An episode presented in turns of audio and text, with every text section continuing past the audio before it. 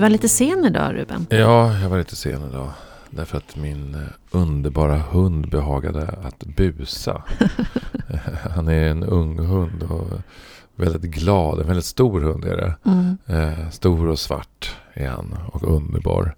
Eh, men det kan ju inte alla andra veta som inte känner honom så väl som, som jag och min familj gör. Så i morse när jag skulle gå så smet han ut i farstun.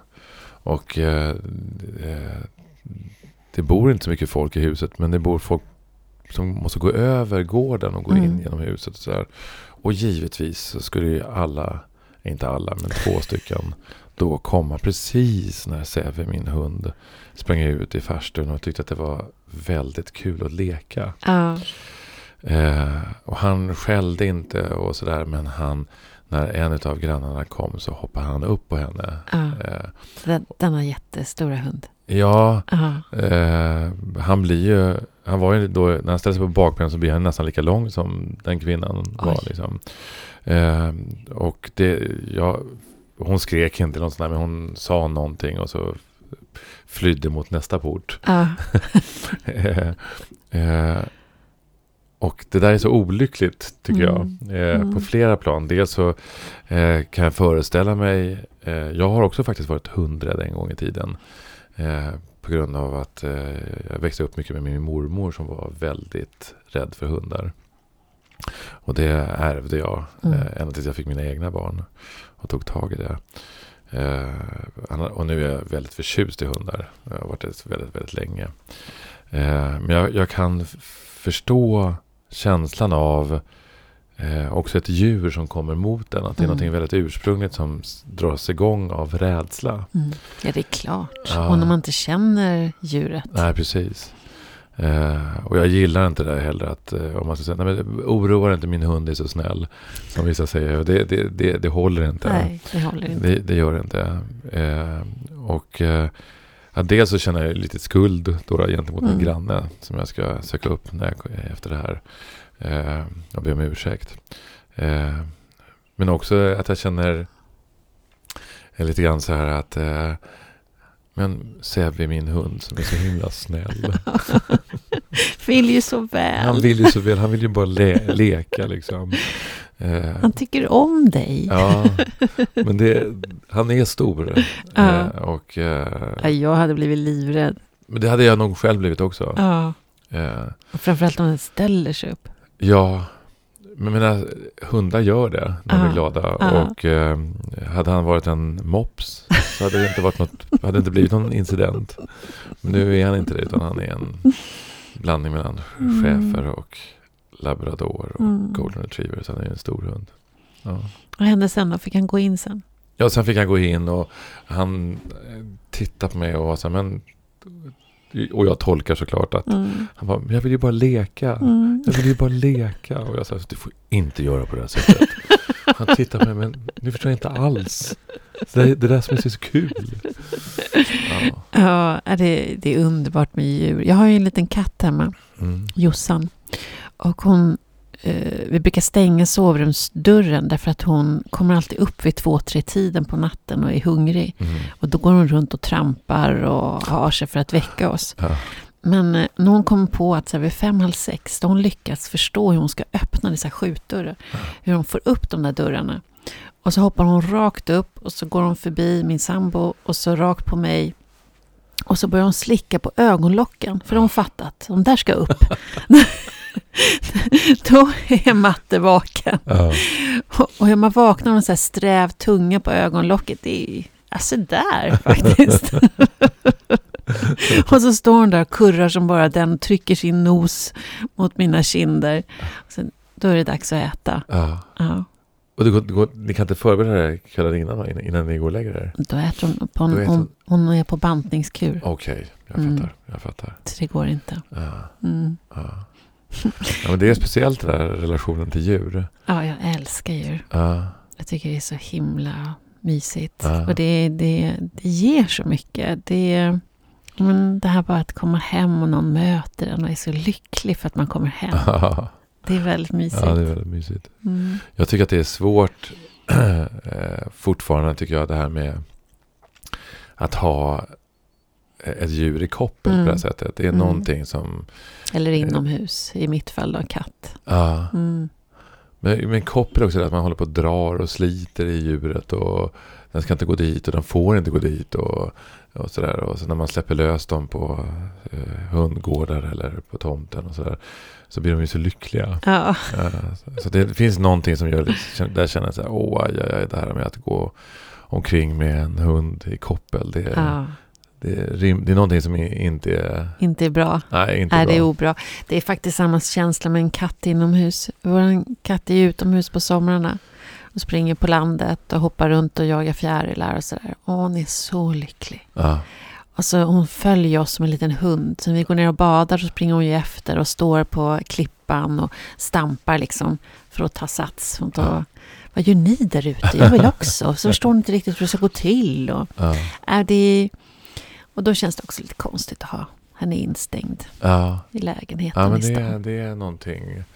någonting någon, på ett sätt så känns det lite grann som en rest av hela den här att vi, att vi en gång eh, satte, eller vi håller fortfarande på med sådana dumheter med, med zoo. Mm. Eh, att det finns någonting fortfarande av där vi, människans överhöghet. Mm. Eh, där vi fortfarande liksom manifesterar den Mm. på det här sättet. Och, Mm. Det, det är någonting i mig som där det, kän, det känns lite obekvämt. Fast inte, jag har aldrig haft hund, men jag har ju fått förstått att man måste visa vem som är ledaren. Alltså att de inte mår bra annars. Nej men tveklöst. Alltså det är ingenting att snacka om. Mm. Alltså den hierarkin tror jag är viktig. Och den, den är ju viktig att ett, ett djur ska vara uppfostrat. Liksom. Mm. Och det tar ju tid också. Mm. Eh, men, det, men det är väl framförallt det här med, med, med koppelgrejen som jag, Mm. tycker är, som jag tycker är någonting som ja, det känns lite jobbigt. Mm. Eh, det krockar lite grann. Mm. Eh, vi började prata om djur. Mm. Och vi ska ju ha en gäst idag. Ja. Eh, som hade ett väldigt fint sommarprat Mm. eh, förra året. Mm. Där hon bland annat eh, just eh, pratade om sin relation till djur. Eh, inte minst där hon var som ett slags sommarbarn på en bondgård. Mm. Och där bonden och hon hade en väldigt fin relation som hon också beskriver i sitt sommarprat som är fantastiskt som jag tycker alla ska lyssna på. Mm. Eh, och han just säger sen långt, långt senare. Jag tror att det var han, eller eventuellt var hans fru som sa att Ja, Karin, hon har, hon har väldigt bra hand om, med, med, hon har väldigt bra hand med djur. Mm. Eh, och det, vår gäst idag är Karin Smirnoff. Ja, Ja, författaren. författaren. Precis. Och eh, egentligen inte bara författare utan hon har ju eh, hon är, ena, hon är en eh, sån här stjärna som har debuterat väldigt sent. Mm. Eh, hon har gått och burit på de här eh, historierna eh, ja, fram tills bara för några år sedan.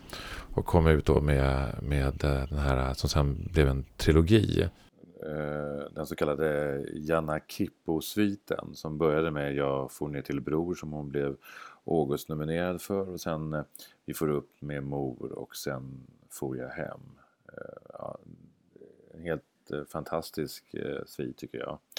Men sen så kom ju också eh, Sockerormen. Mm. Den håller jag på att läsa just nu. Ja, Mm. och den läste jag i somras och jag var helt knockad Mm.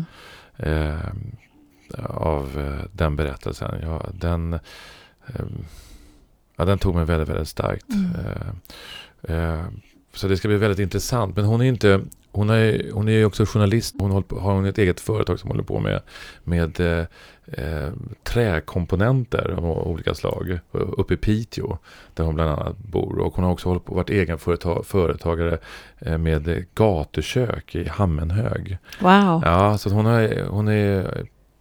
Har ett hon har brett- många strängar ja, på hon sin har lyra. verkligen många och oväntade strängar. Mm. Hon har bott i, eh, ja, från, från Västerbotten då, och, men även bott i Stockholm och i Skåne och i Paris. Och, eh, ja, Det ska bli spännande. ja. Mm. Jag- Ska du jag hämta går, henne? Ja, jag går ner och hämtar henne. Aha. Välkommen Karin Smirnoff.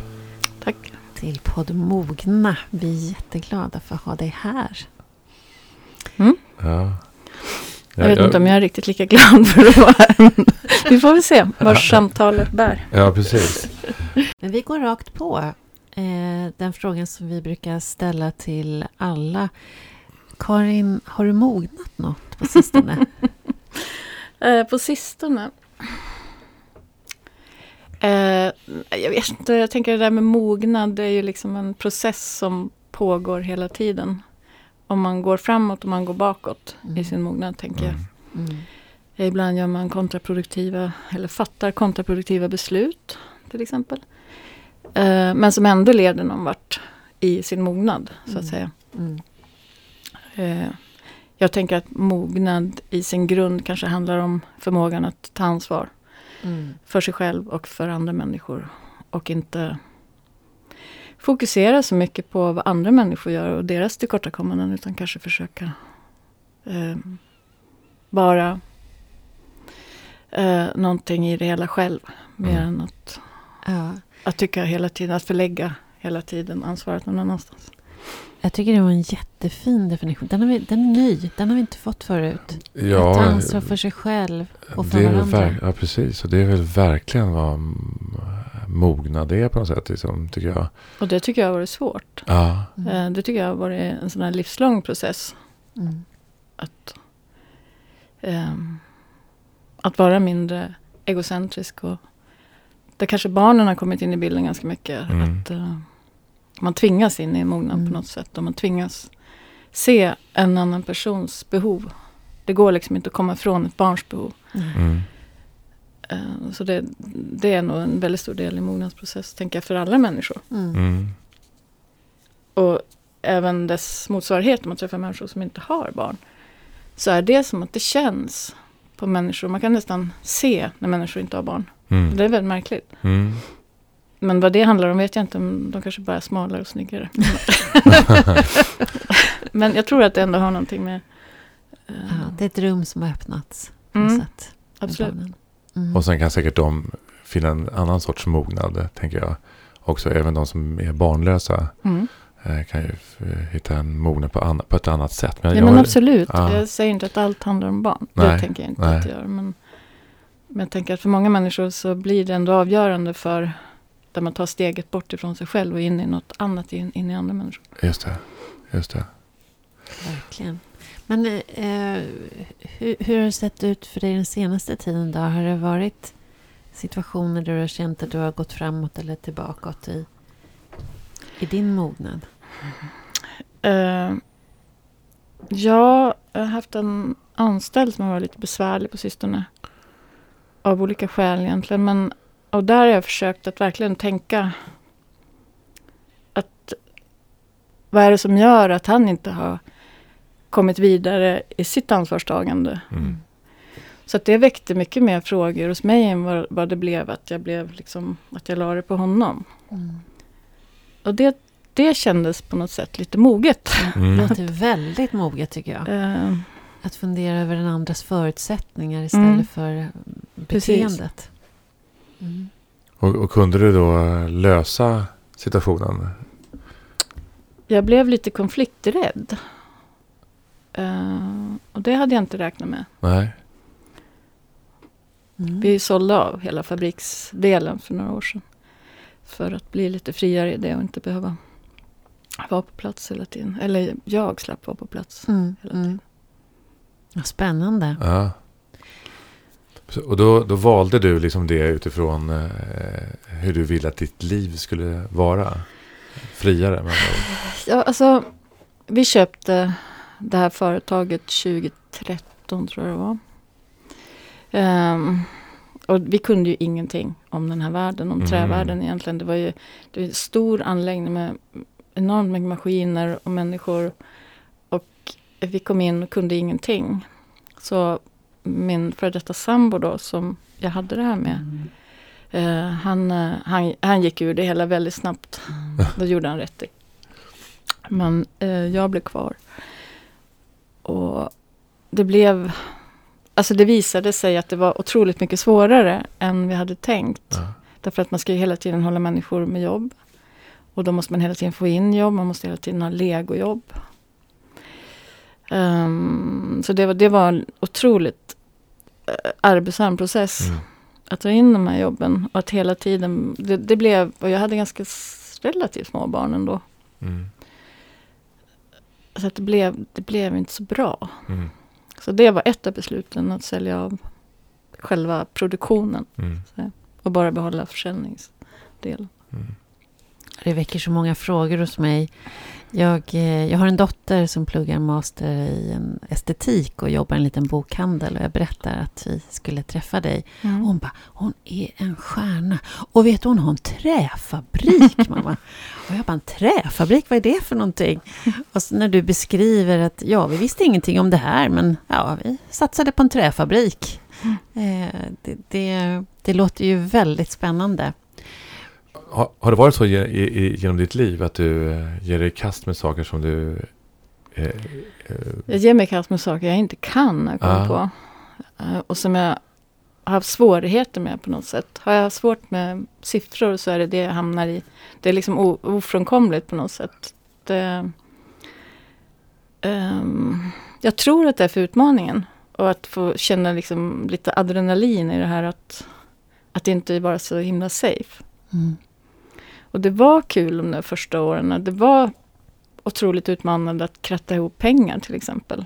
Att när vi liksom hela tiden låg och dallrade på någon sorts ruinens brant. Att, att ändå få ihop de där pengarna som gjorde att vi kunde fortsätta. Och, ehm, men sen när det började, ja, för det var också en insikt att jag inte är någon förvaltare av någonting. Att jag har otroligt svårt att förvalta.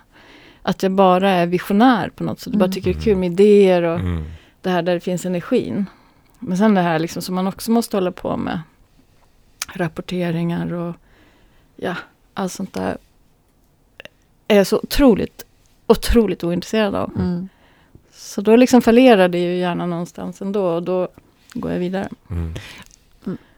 Men det låter ju ändå, när du beskriver, när vi var på ruinens brant, då var det liksom det här med att kratta ihop pengarna. För de allra flesta som befinner sig på ruinens brant, det är ju ångestladdat. Men när du beskriver låter det som att ja, det är där energin finns. Mm. Att hitta en lösning. Jo, men jag, alltså jag är inte så orolig av mig tror jag.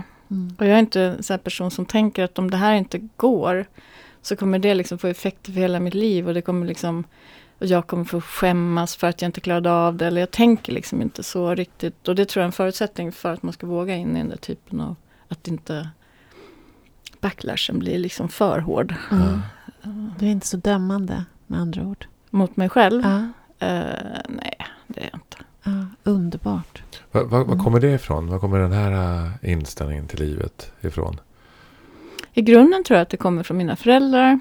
Att de gav oss en otroligt fri uppväxt. Mm. som på sätt och vis också var farlig, men som eh, också skapade en tillit till att klara av saker själv. Mm. Det tror jag var liksom det viktigaste i den uppväxten egentligen. Mm. Eh, och att de har varit väldigt lite fördömande som personer. De är väldigt lite. Det har aldrig pratats skit hemma. De har Mm. aldrig varit sådana föräldrar som, som har så här mycket negativt hela tiden om andra människor. Mm. De har nog varit väldigt noga med att inte vara så. Mm. Och att inte vara rasistiska eller inte vara ja, om någon tycker olika politiskt eller vad det nu har kunnat varit så har de inte haft så mycket åsikter omkring det. Mhm. Har det funnits en nyfikenhet istället? En, Hos mina föräldrar. ja, som du har vuxit upp i. En, att utforska, undersöka istället för att... Det tror jag inte heller. Nej. Så jag tror att mina föräldrar var ganska konservativa på något sätt ändå. Liksom. De hade sitt och de var väldigt vanliga människor kan man nog säga. Mm. Eller vanliga men de var duktiga på att visa oss vägen någonstans. Ja. Ehm, och det, det, det tror jag har varit ganska avgörande också för många av mina intressen. Ja. Mm. För den här tilliten tänker jag på. eh, Ulrika, jag pratar en hel del om tillit här. Eh, och jag tänker att du debuterade så sent som författare. Att du har gått och burit på de här historierna hela ditt liv, tänker jag. Mm. Eh, eh, har, har jag, jag tänker också, eh, det var väl i ditt sommarprat där du pratade om den här lådan som du kryper ner i och sätter på dig den här som du kallar betecknar som Jesusrocken som var lika len som din mormors haka. eller skinnet under din mormors haka. Mm. Eh, jag älskar dina beskrivningar för att de, jag, jag, jag känner dem så väl. Jag känner igen dem. Eh, för, för där började ditt författarskap. Där började dina historier, ditt liv, liksom det här som kom fram nu, till exempel i den här trilogin som du har kommit med. Ja, um, själva berättandet började kanske där, fast i dagdrömmeriformen. Mm. Och den sysslade jag med väldigt, väldigt många år i mitt liv. Mm. I någon sorts dagdrömmande bubbla. Mm. Genom hela skoltiden till exempel. Um, som en flykt eller som ja, ett sätt att... Som, som, ett sätt att hålla borta uttråkan som skolan innebar. Ja. Um, jag vet inte. Det, skolan var liksom inte... Och det, innan jag började skolan så hade jag haft sex år av total frihet. Det var ingen lek, så dagis eller något sånt där mm. på den tiden. Jo, jag tror jag tvingades till lekis ett tag. uh, det gjorde jag ju. Men det var i alla fall väldigt icke-styrt. Och mina föräldrar, mamma hon var inte hemmafru. Utan hon uh, gjorde någon sorts karriär då. Och pappa hade, då på den tiden, hade han firman nere i källaren i, i huset vi bodde i. Och jag och min bror, vi var väldigt fria att göra ungefär vad vi ville. Så när jag tänker liksom på vad mycket frihet vi hade redan kanske vid tre års ålder. Mm. Så det idag hade det varit försummande föräldrar, ett mm. försummande föräldraskap. Men så tror jag inte man såg på det på den tiden utan det fanns inte så mycket att vara rädd för. Vi bodde nära skog, vi var mycket i skogen, var mycket mm. liksom sådär. Och att gå ifrån att ha den här totala friheten och känna att man faktiskt är ganska kapabel vid eh, fem, sex års ålder mm. till att behöva sätta sig i en skola. Mm. mm. Det var plågsamt. Mm. Så den här liksom verklighetsflykten mm. Blev ju en ganska viktig del då av min skoltid. Uh, och, och har fortsatt att vara så. Så på den tiden formulerade du ditt dagdrömmeri? Alltså blev det berättelser? Så hade du berättelser för andra? Inte för andra, bara för mig själv. Mm. Fantastiska berättelser. Som var mycket, mycket mer spännande än livet i sig. Liksom. Mm. Så att de fyllde ju den funktionen av, av att göra livet, sätta lite guldkant på tråkig tillvaro på något mm. sätt. Mm. Men det gjorde också att jag blev lite asocial på något mm. sätt. Jag var det många år i min barndom. Mm. Jag hade väldigt svårt att ta mig ut till andra människor och skapa kontakter och mm. kommunicera egentligen. Mm. Jag kommunicerade med, hellre med skalbaggar än med människor tror jag. Mm. mm. Det gör jag fortfarande ibland. Mm. Absolut. Djur har varit viktigt, viktigt för dig? Jätteviktigt. Ja. Mm. Djur är fortfarande djur och, och, och träd och sånt. Ja. Otroligt viktigt. Ja. Mm. Jag, jag, förstår det och jag frågar varför. Därför att jag tror att jag etablerade en kommunikation med, med djur och natur redan vid väldigt tidig ålder. Mm. I ett sorts språk som naturligtvis inte är svenska men mm. det är ju ett språk ändå. Mm. mm. Och jag tänker att djur och människor kommunicerar väldigt mycket. Det märker man när man är ute i naturen till exempel att man alltid har ett korppar till exempel som följer efter och hoppar mm. från träd till träd. Mm. Och det tror inte jag är en slump utan även fåglar har ett behov av att se nya saker och mm. titta på konst, konst, konstiga människor beter sig. Mm. Eller ha någon sorts kommunikation. Jag har mina fåglar vid fågelbordet, de är väldigt kommunikativa. Mm. Och hör av, börjar höra av sig tidigt på hösten och knacka på rutan och tycker att nu är fan dags för mat. det, ja. de, de har liksom beteenden som gör att jag känner att de är liksom inte bara en art som sitter vid ett fågelbord utan de söker också en kommunikation. Mm. Mm. Och fåglar tycker inte så mycket om att vara vid fågelbord där ingen finns. Mm. Det, så är det. Och sen har vi alltid haft djur. Jag har alltid jobbat med djur. Jag har jobbat mycket på bondgårdar och sånt när jag var ung. Och haft djur som någon sorts yrkestanke. Mm. Men det blev inte så. Men det hade kunnat bli så. Mm. Har du djur nu också? Jag har en hund och tre katter. Mm. Mm. mm. Ja, vad härligt. Och träden då? Menar du att, eh, att de kommunicerar på ett liknande sätt? Träd kommunicerar i högsta grad. Ja. De är också väldigt kommuni- kommunikativa. De, alltså de känns ju av så väl när man är ute i skogen och när man kramas med dem och sådär. Ja.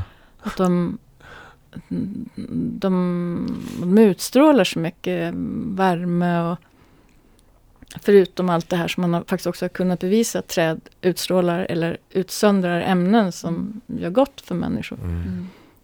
Så sen är det ju, sitter ju där i mitt huvud mer än det sitter någon annanstans. Men det skiter jag i. Det är liksom, jag, jag gillar den Mm. kommunikationen med en sten eller vad det nu är, Mm, ett hav. mm. Eller. Mm. Jag med. Jag Mm. älskar det. Mm.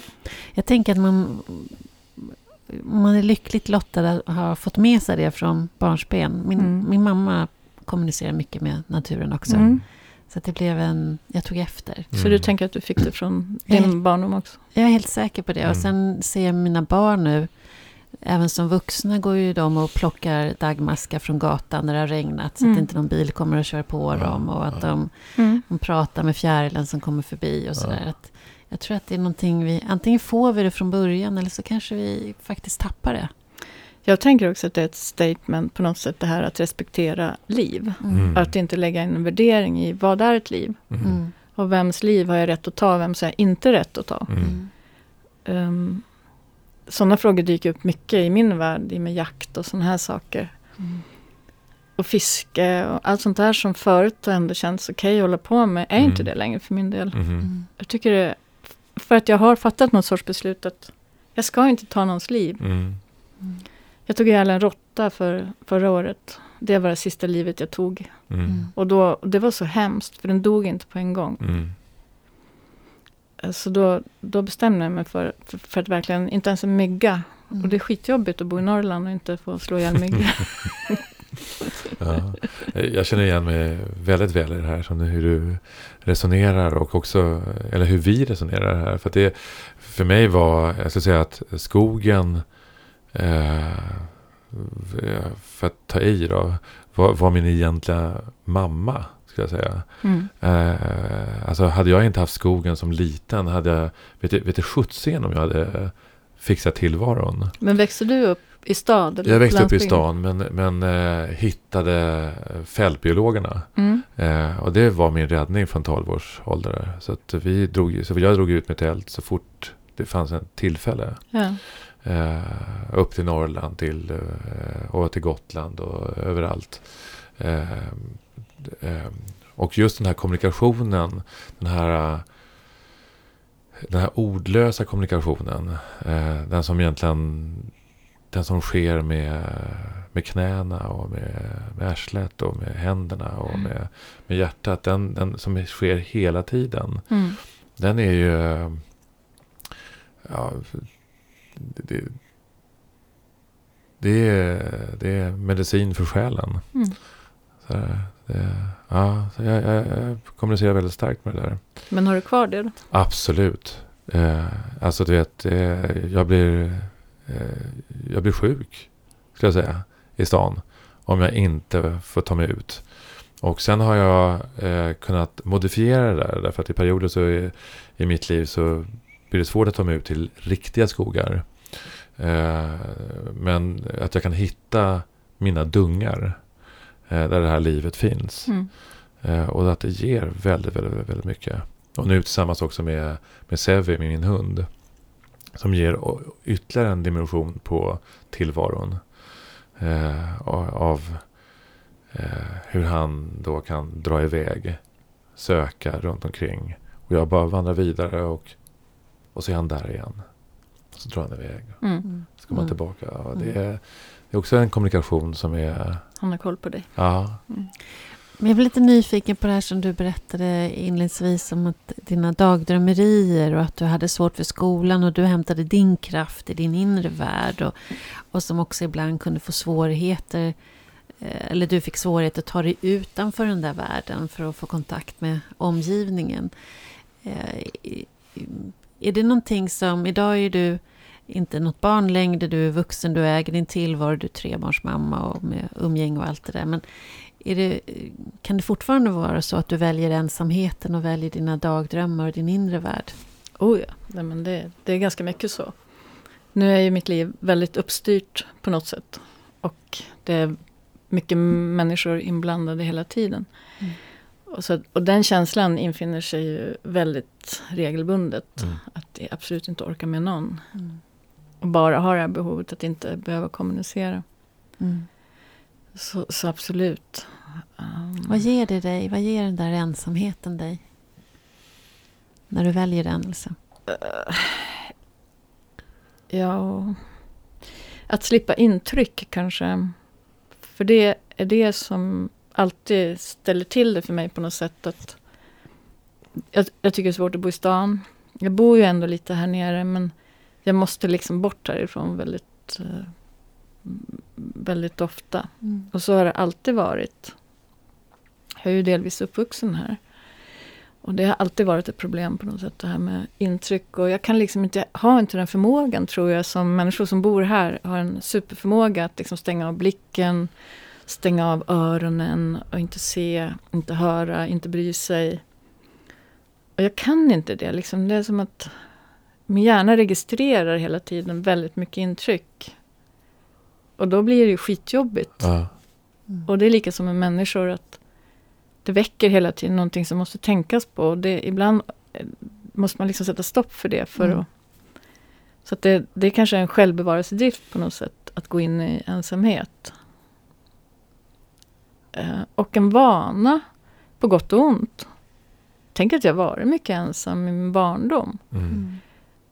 Mm. Eh, och inte alltid ville det. Men var tvungen att göra något av den ensamheten. Gå in i Mm. böcker eller Mm. måleri eller vad jag nu gjorde. Liksom. Mm. Eller naturen. Mm. Och vara ensam är ju också att vara i eh, det kreativa. Mm.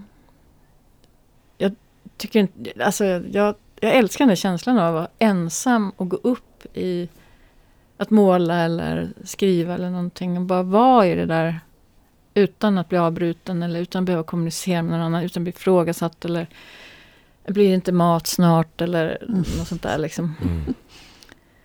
Så jag tänker att, som du var inne på att jag inte debuterade med mina böcker förrän bara för några år sedan. Så är ju det också för att det kräver så mycket ensamhet och Mm. kräver en avskildhet som faktiskt inte går att förena, inte för mig själv i alla fall, Mm. går inte att förena med familj. Mm. Och behöva ha massa ansvar för andra människor och se till vad de ska göra på dagen. Och, och det går bara inte. Mm. Så att jag tror att hade jag gjort det i en yngre ålder, satsa på mitt skrivande, det, den typen av skrivande, Mm. så hade det gått ut över dem Mm. väldigt mycket. Mm. Som jag tror det ofta gör för i familjer där det finns konstnärer. För att det handlar så mycket om den egna bubblan. Mm. Mm. Det låter väldigt strategiskt att, eh, och klokt. Att eh, ja, men nu är det barn här. Då är det det som är fokus. Och nu växer barnen upp så att nu kan jag ändra fokus och ändra riktning. Och att det, det låter väldigt genomtänkt. Alltså jag har varit ensam mycket med mina barn. Mm. Och de har ju varit fullständigt beroende av mig. Mm.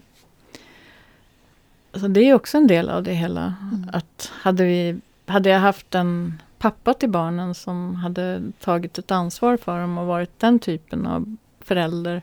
Då hade det kanske gjort mig mer Fri. fri eller, Mm. eller egotrippad kanske Mm. till och med. Mm. Att jag liksom fått lite för mycket frihet att gå in i den rollen istället. Kanske jag hade blivit en usel förälder. Mm. Möjligt. Jag tycker det där, jag har också varit ensam långa perioder med mina tre barn.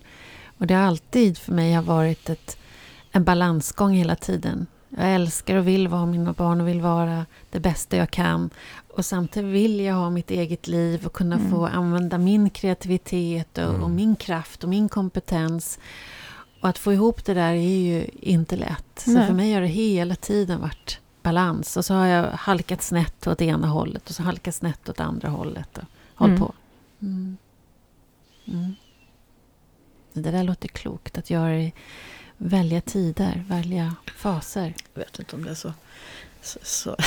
Jag är inte någon särskilt strategisk person. Jag tänker inte att jag är det. Och det är inte så att jag har tänkt för 20 år sedan att ja, när jag blir 53 tycker jag det är en ganska lagom ålder att debutera som skönlitterär författare. Så jag har inte varit så. utan Ehm, jag har skrivit hela tiden. Jag har skrivit massor med grejer som jag Ja. inte tyckt hållt också. Okej. Och där jag har tänkt att man får nog träna liksom ganska mycket det. innan det är värt att publicera någonting. Istället för att gå den här tradiga vägen och börja med något halvdant. Och, ehm, Ja, för det gjorde ju verkligen inte du. Det, det blev ju pris på en gång. precis. Det är ju Ehm, fantastiskt. Och det hade nog inte blivit det om jag hade startat mycket tidigare. Jag tror Mm. inte det. Jag tror inte jag hade den. Men du har ändå haft en tillförsikt till din förmåga hela, hela vägen. Men absolut. Jag har Ja. alltid tyckt att jag är bra på att skriva. Ja, Jag har alltid tyckt att det är bland de sakerna som jag är bra på. ja, Um, Så det är inte så. För Moa och jag har ju liksom redan, jag tror jag gick min första sån här författarutbildning när jag var kanske 20. Mm. Och sånt. Så att det har ju det har liksom funnits med från väldigt långt, långt tillbaka. mm, Men man ska försörja sig. mm, Och det är ju också en sån här grej. Liksom det, det, man har kommit ifrån det. Och det är lite beroende på hur vill man leva då. Mm. Det, um, Mm. jag gjorde kundtidningar en himla massa år. mm. Otroligt tråkigt. Ja men verkligen. Det är totalt själsdödande att göra kundtidningar. Man blir allmänbildad på det i och för sig. Mm. På väldigt smala områden. Men eh, det, är inte, det, det ger ju det är ju inget kreativt Mm. i det hela. Det är styrt och det... Nej. Men det gav bra betalt. eh, Och det gav ju också en sorts frihet att Mm. kunna...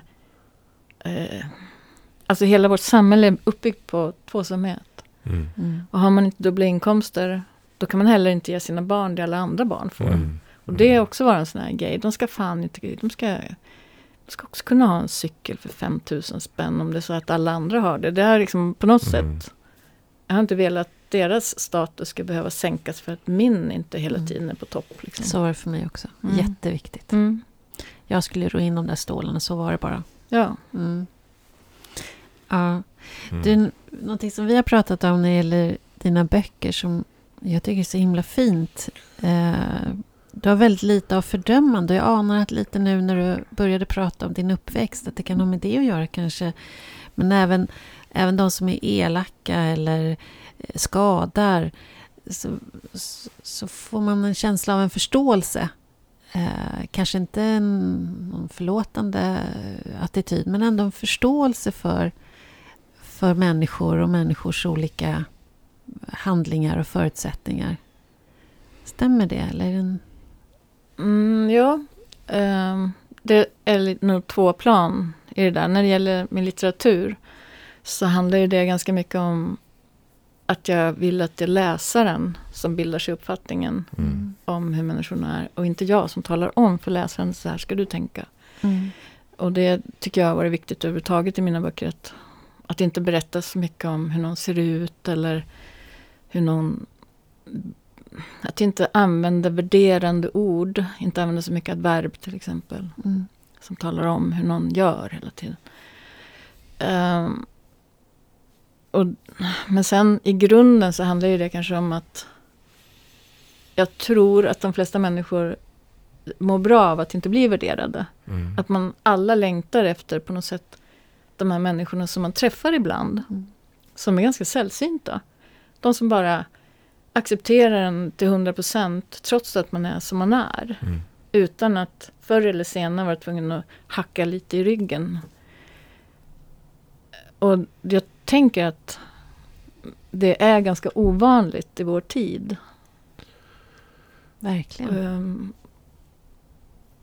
Men när man möter de människorna som man blir bemött så av så är det alltid så skönt. Mm.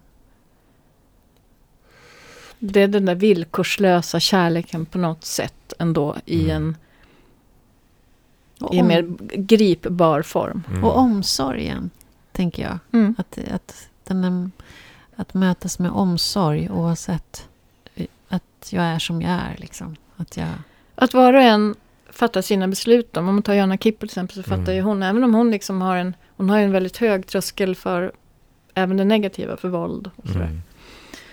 Eh, Men när hon fattar sina beslut så gör hon det utifrån sina egna åsikter om saker. Inte så mycket utifrån andras handlingar. Mm. Och mm, det är ju också en skillnad det där. Mm, som är, som är ganska svår att förstå på djupet. Mm. Vikten av att stå helt för sina egna handlingar. Mm. Mm. Även om man väljer att dräpa någon.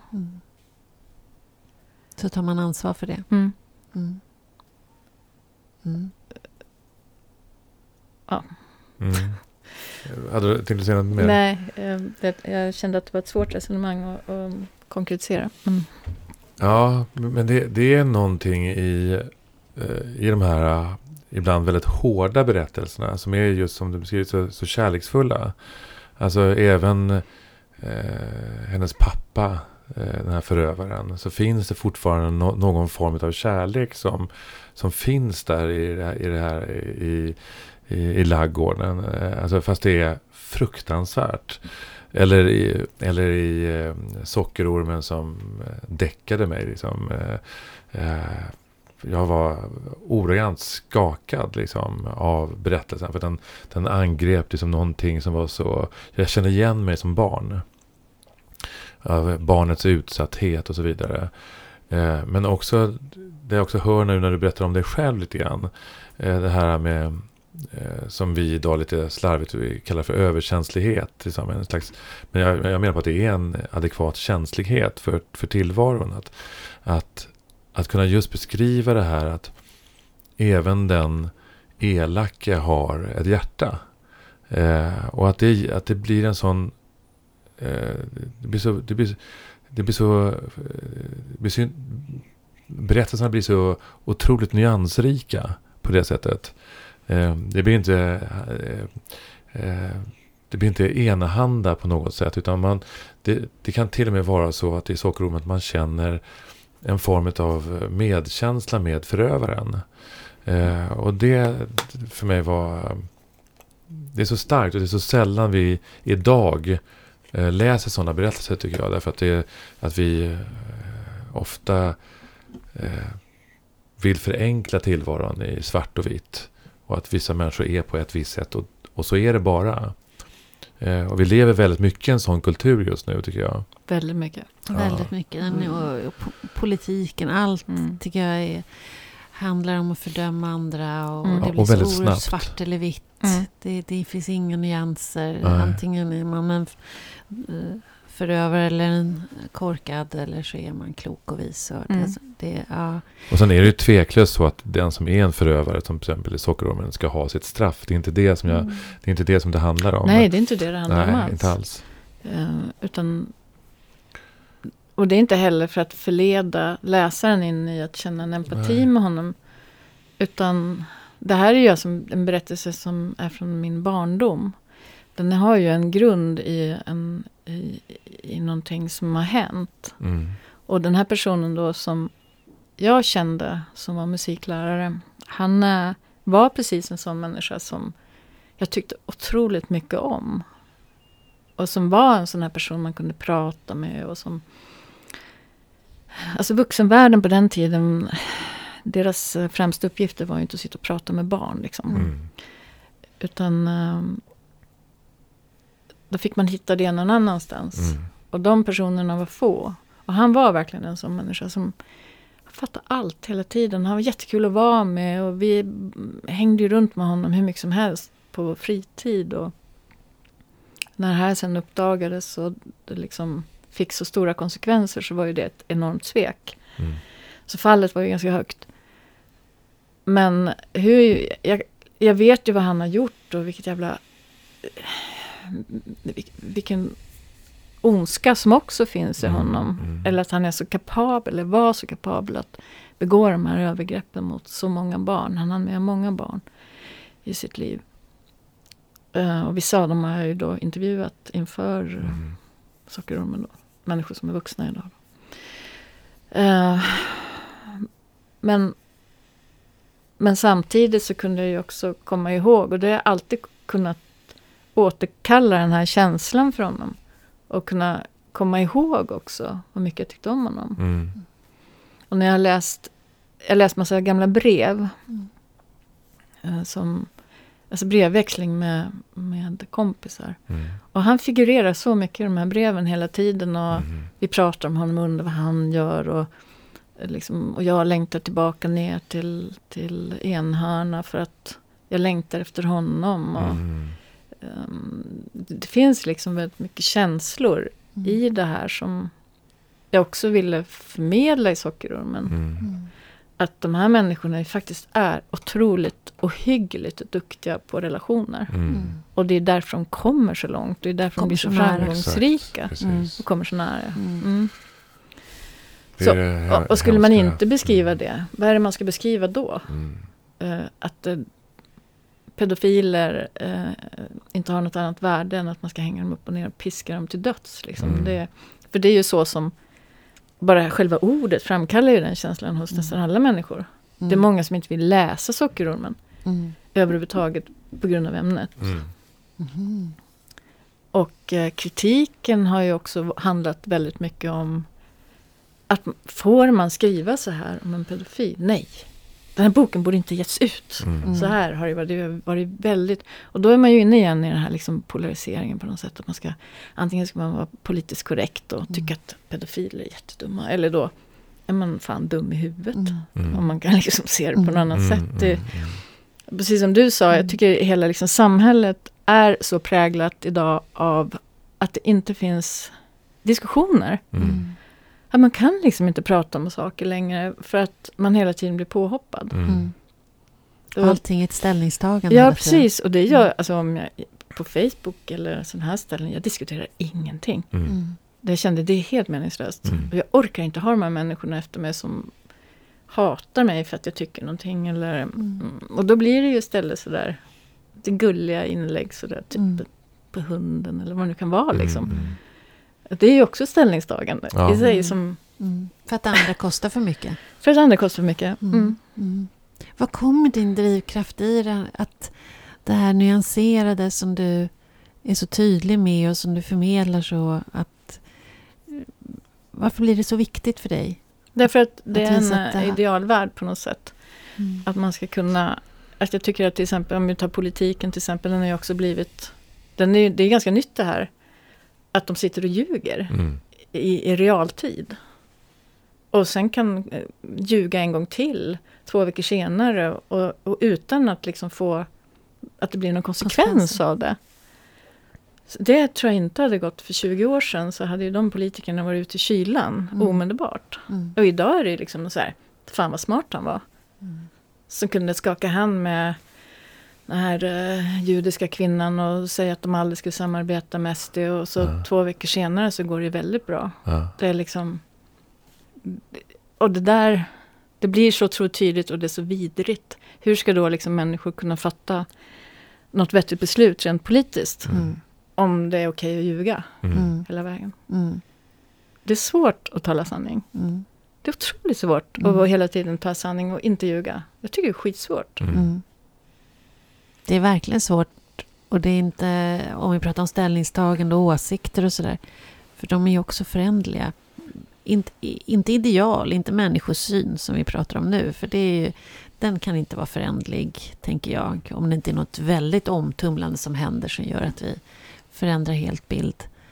Men det är... Eh, för att man ska kunna få vara en reflekterande och resonerande människa, tänker jag, så behöver jag kunna röra mig lite också. Mm. Jag behöver tycka lite så här, nej det tycker jag nog inte längre, nu tycker jag så här. Mm. Att jag, jag måste få, utan att få ställas till svars hela tiden, Mm. utan också eh, få föra ett samtal och pröva mina tankar och pröva mina Mm. åsikter.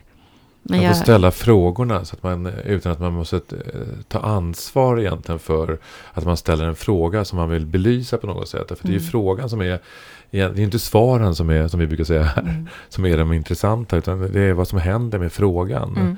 Vad utlöser det hos dig? Mm. Men en fråga, eller ifrågasättande idag kan ju så kan man ju hamna i eh, en skottlinje som är, blir svår att, att eh, skydda sig mot. Eh, och jag tror inte att det är bra för vårt samhälle. Det, Nej. det är inte bra för vårt, vårt mellanmänskliga klimat. Och jag, tror inte vi, jag tror inte det är bra för vårt intellekt. Vi blir korkade utav det, Mm. tänker jag.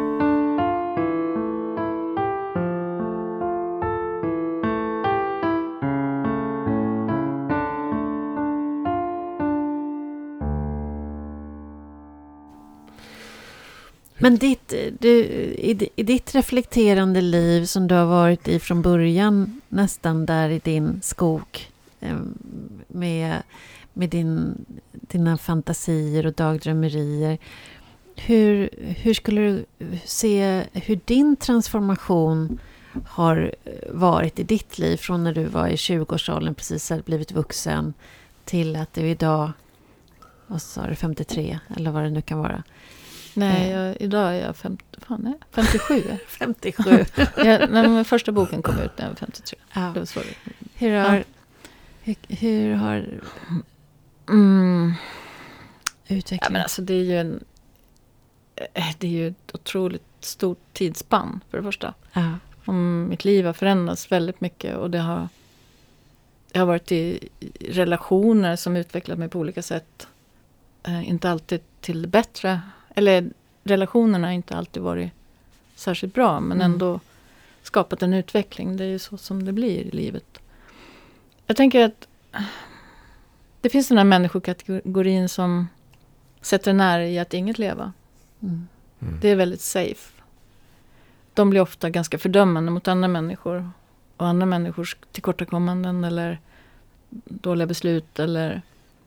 eh, vet inte. De blir rädda för människor, särskilt kvinnor tror jag. Som går lite sina egna vägar, gör lite som de vill. Är med vem de vill, inte liksom bryr sig så mycket om omvärldens åsikter. Eller då finns det den andra kategorin då som, som just är så. Man får göra något litet val. Det är klart det finns någonting mitt emellan. Det finns nyanser i det där också. Men jag tror jag alltid har tänkt att det är genom erfarenheter man blir någon. Mm. Därför att det hela tiden bevisas för en att det är genom erfarenheterna som man skapar nya tankar och sätter sammanhang på plats. Och det tar tid. Mm. Jag tänker att jag var absolut ingen mogen 25-åring. Mm. Jag var väldigt omogen. Ehm, nästan ett barn på något vis. Samtidigt som när jag var ett barn så kände jag mig gammal. Mm. Mm. Så det där med, med liksom mognad kan vara så många saker. Man kan vara ärrad av, av upplevelser som gör också att det är väldigt svårt att just mogna på de här planen där man förväntas mogna som människa, duktig medborgare i ett samhälle. Mm.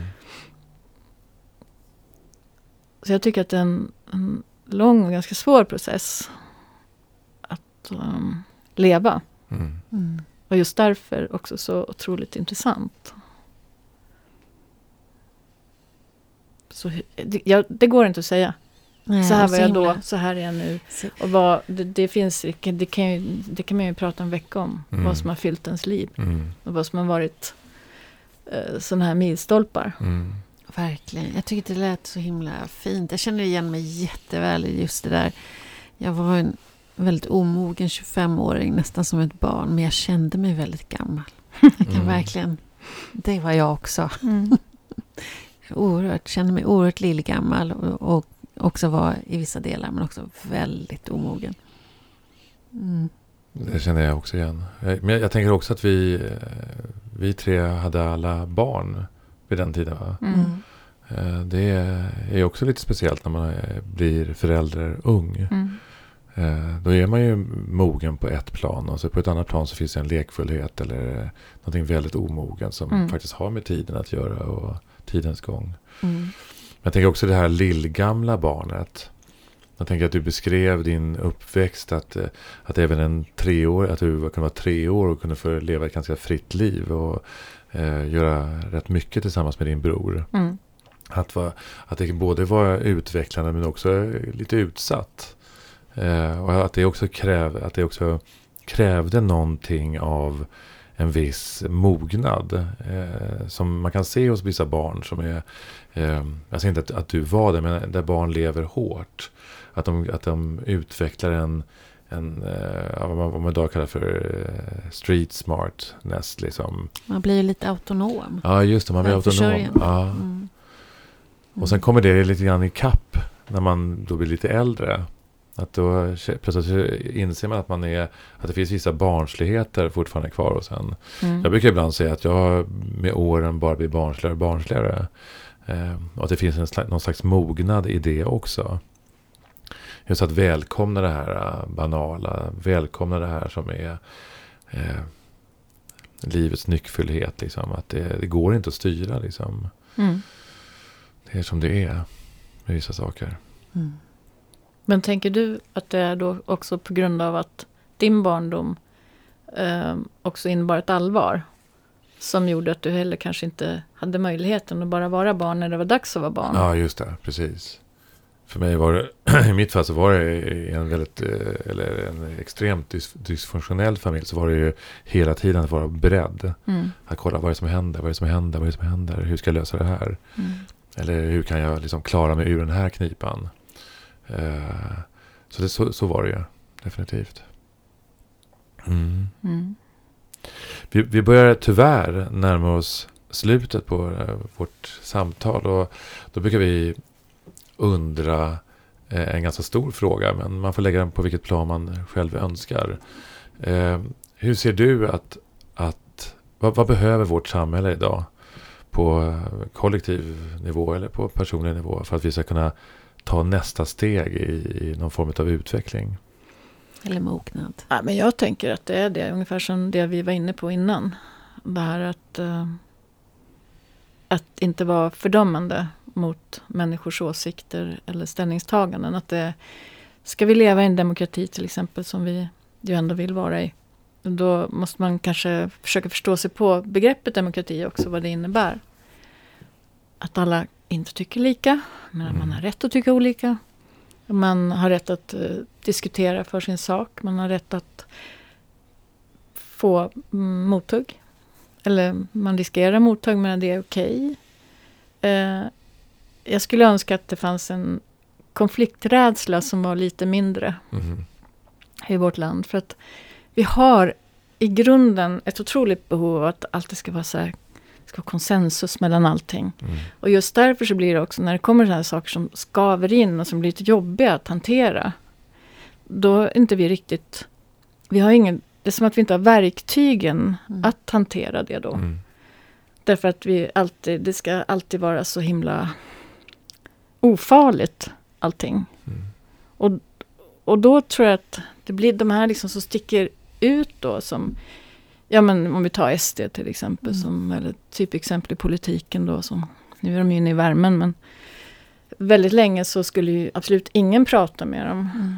Och de skulle ju på något sätt man skulle låtsas som att de inte fanns för då skulle de försvinna och det är så typiskt sätt tycker jag, typiskt svenskt sätt att förhålla sig till saker som blir obehagliga. Mm. Att det ska liksom eh, tigas bort Mm. på något sätt. Mm. Och det gick ju inte på det viset, Mm. tyvärr. Mm. Men det funkar ju inte riktigt så. Och det, jag tänker att det är lite högre tak för diskussioner, lite högre tak för, för möjliga vägar. Att man behöver, det måste ju finnas någonting mittemellan att vara klimataktivist och eh, klimatnihilist Mm. till exempel. Mm. Men det gör inte det. Mm. Och det är alltid som att det är liksom... sk- Ska vi lösa problem, då är det bara... Vi har bara ett svar på den frågan. Mm. Och just nu är det vindkraft, säger vi. Mm. Och elbilar, det, det är bara det. Mm. Och då, då blir det, liksom, det blir så svårt att leva. Mm. Man blir liksom hela tiden händerna på politiska beslut orsakat av lobbyister. Mm. Istället för att det känns som mogna politiska beslut. Mm. som kommer sig av lång erfarenhet och där man på något sätt väger in att ja men för fem år sedan så sa vi ju faktiskt att miljödieselbilar var ganska bra. Mm. Kan inte de få vara det också då? Mm. Tillsammans med elbilarna. Och sen ett år senare kom man på att elbilar, just fan, det behövs ju mineraler. Och då Mm. måste vi hämta i Afrika där liksom medellivslängden är 30 år, de där gruvorna. Det är inte så bra. Mm. Och så håller vi på sådär. Så... jag vet inte, mindre polarisering på det viset. Eller polarisering är så jävla dumt ord, för egentligen så är det så svårt ord att förstå. Jag tycker inte att det är ett sånt uppenbart ord. Mm. Men det är bara eh, att vi ska, det ska finnas fler rätt. Fler rätt ja. Mm, att, det inte, Eh, att vi inte ska inordna oss under ett rätt. Det Nej. betyder ju också att det mindre följsamhet, tänker jag. Att det krävs också mer självständighet och kanske också mer civilkurage. Att, Mm. Mm. att ta plats och utrymme för att våga utmana och varandra. Ja men i det här har vi ju media också som är ju liksom pumpar upp det här hela Mm. tiden. Det, för de gillar ju, de, de lever ju på Mm. de här heta känslorna på något Mm. sätt. Mm. Och vi lever i ett samhälle där vi, vi sitter, jag vet inte hur många gånger per dag en människa går in på Aftonbladet till exempel. Det är jävla massa gånger. Ja. Mm. Liksom, gjorde man det förr i tiden? Gick man och liksom tittade i en kvällstidning Mm. var tionde minut? Nej, det gjorde man inte. Mm. Så att det liksom, de har ju fått en otrolig makt. Mm. Mm. Just att kunna styra hur människor ska tänka. Mm. Det är rätt otäckt. Det är väldigt otäckt. Inte bara Aftonbladet förstås, Mm. men media överhuvudtaget. Precis. Och där är också eh, vad som är sant och falskt. Och, alltså vi har ju aldrig haft så här mycket problem med, med ett nyhetsflöde där det är så svårt att avgöra vad, varifrån källan är. Nej. Eh, och att det kan vara påhitt. Inte Eh. bara, inte bara sant och falskt, utan också vad är viktigt. Alltså hela prioriteringen görs ju Mm. där. Så att jag, jag blir ju aviserad vad det är som är absolut den brännande frågan just nu. Mm. Medans, och det är någonstans har ju någon fattat det beslutet. Ja, men Mm. vi har ju byggt allt omkring listor. Mm. Och det görs ju även i, i allt vi ska tycka. Så finns Mm. det listor på vad vi ska tycka. Det är väldigt bekvämt. Mm. Den här boken ska vi läsa, den här Mm. filmen ska vi se, det här partiet ska vi rösta på. Det här, det här åsikten ska du ha om just den här frågan. Mm. Det är väldigt bekvämt.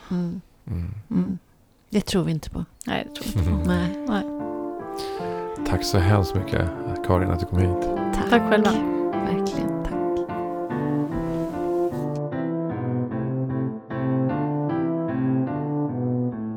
Tack Karin Smirnoff. Tack Karin. Det var ett härligt samtal. Jag älskar det här med att, eh, liksom, re, att få reflektera och att det blir att förståelse för nyanser problematisera kring nyanser. Och, och jag tycker vi har alldeles för lite sånt i, Verkligen. i vårt samhälle.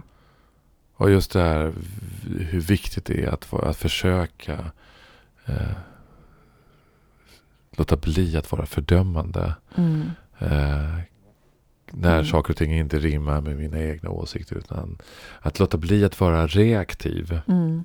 Att istället liksom avvakta en stund och, och eh, komma med ett svar. Eller Mm. alltså respondera istället för att liksom eh, så här.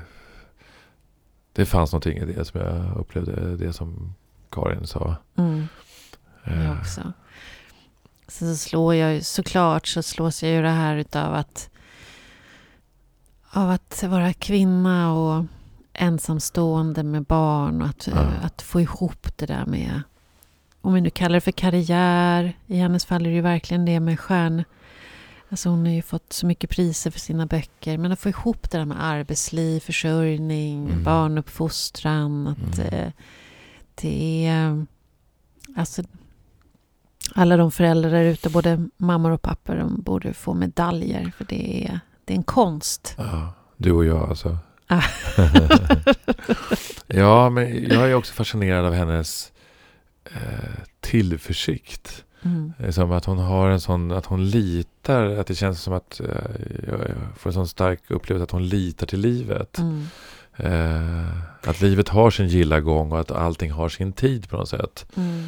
Eh, det, Fast- Fast också det där som hon pratade om när företaget är på väg i konkurs. Ja. Och, och hon känner någon slags kraft i det. Jaha, men Ja, nu, det. nu får vi ju hitta en lösning på det här då. Ja. Hur ska vi nu kratta ihop stålarna? Alltså jag öns- ibland kan jag önska att, att de där stunderna i livet när man har suttit i soffan hemma och så tänkt så här, hur fan ska det här gå? ja, just det. Jag ser ju inte hur det här ska gå ihop. att hon- bara känna, bara, ja men det är bara, äh, det är bara att göra. Ja, just det. Det blir som det blir. Ja. Att vara mindre orolig. Eh, för sådana lägen. Alltså jag, jag, jag, är inte heller så bra på de lägena. Eh, jag blir orolig då. Mm. Eh, men det är väl den där tillförsikten igen. Mm. Och också kanske också att man kickar igång faktiskt på när läget blir eh, alltså på gränsen, mm. på, lite, lite akut. Mm. Att då kickar en speciell sorts kreativitet igång. Mm. mm. Hur löser jag det här? Ja. Ja. Den, den har man väl kanske känt av några gånger också. Att bara, nu får man lösa det här. Jo, det, det gör man ju. Mm. Det gör jag också. Men jag, jag, tänker ändå att, att jag skulle nog aldrig formulera mig som att jag tycker att det är kul att hamna där. Eller att det är spännande. Kanske i efterhand. Ja, eh, och det brukar bli ganska roliga berättelser ja, efteråt. Ja, så, är det, så är det definitivt. Så ja. är det definitivt. Och sen också, eh, jag, jag, tänker också eh, att, att söka kraften någon annanstans. Mm. Och det här som är är helt ordlöst. Mm. Relationen till djur och till skogen och, så vidare. Mm. Och, att man, och att skapa sig eh, en egen berättelse kring sin relation till korparna till exempel. Mm. Eh, att det är också väldigt viktigt. Mm. Att, ha, att ha den berättelsen, det här eh, som är lite mystiskt. Som är berätten, berättandet på något sätt. Mm. Ja, fast jag, jag, jag är så fascinerad. Vi bor ju i skärgården på somrarna och då bor vi oftast i tre månader i sträck. Och att följa fågelungarna i deras växande när de blir utslängda ur boet mm. och att eh, man har dem omkring sig. Och, alltså jag älskar det. Ja.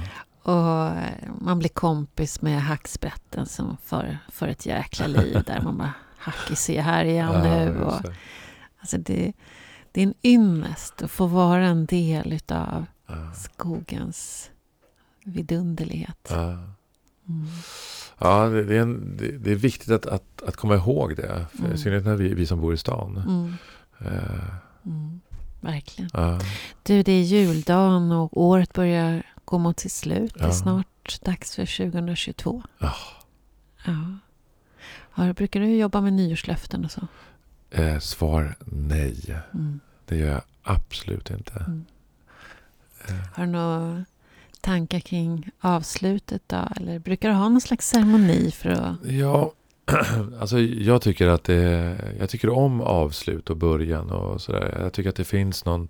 Det, det är tillfällen till att, att betrakta och begrunda och fundera liksom kring mm. livet och hur har det här året sett ut. Mm. Eh, nyår är ett sånt tillfälle. Men jag tycker att, att, att jag har flera sådana tillfällen under året. Mm. Där det är, för jag tror att, det, att allting går så snabbt. Mm. Eh, men nyår är ju, eh, är ju speciellt på det sättet att vi alla någonstans kommer till ett avslut och en början på någonting nytt. Eh, ja, det finns någonting vackert i det tycker jag. Mm. Vi har en, en liten tradition där vi brukar skriva ett brev på nyårsdagen eh, om någon slags förhoppning om vad som ska hända under året. En, eh, det här ser jag framför mig, det här skulle jag vilja. Ah. Och så lägger vi det i ett kuvert och sen så läser vi det på nyårsafton. Ah. Och så får vi se vad som hände. Ah. Mm. Det är väldigt fint. Ja, jag kan tänka mig Jag tror mycket på det där med att eh, kanske inte eh, man behöver inte formulera mål, men någon slags riktning, vad man vill och vad man önskar.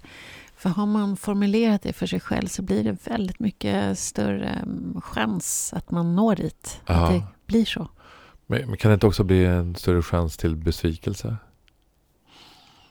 Nej. Om du inte lyckas eh, manifestera eller genomföra det Nej. du har föreställt dig? Nej. Nej, jag tänker inte så. Utan en, en, önskan och förhoppning. Sen kan det ju vara så att det händer saker längs vägen som gör att det öppnas andra dörrar just det, just det. Och, och, dörrar stängs. Mm. Ja, men jag tror ändå att ha någon slags riktning ja. i stegen. Ja. Mm. Bra.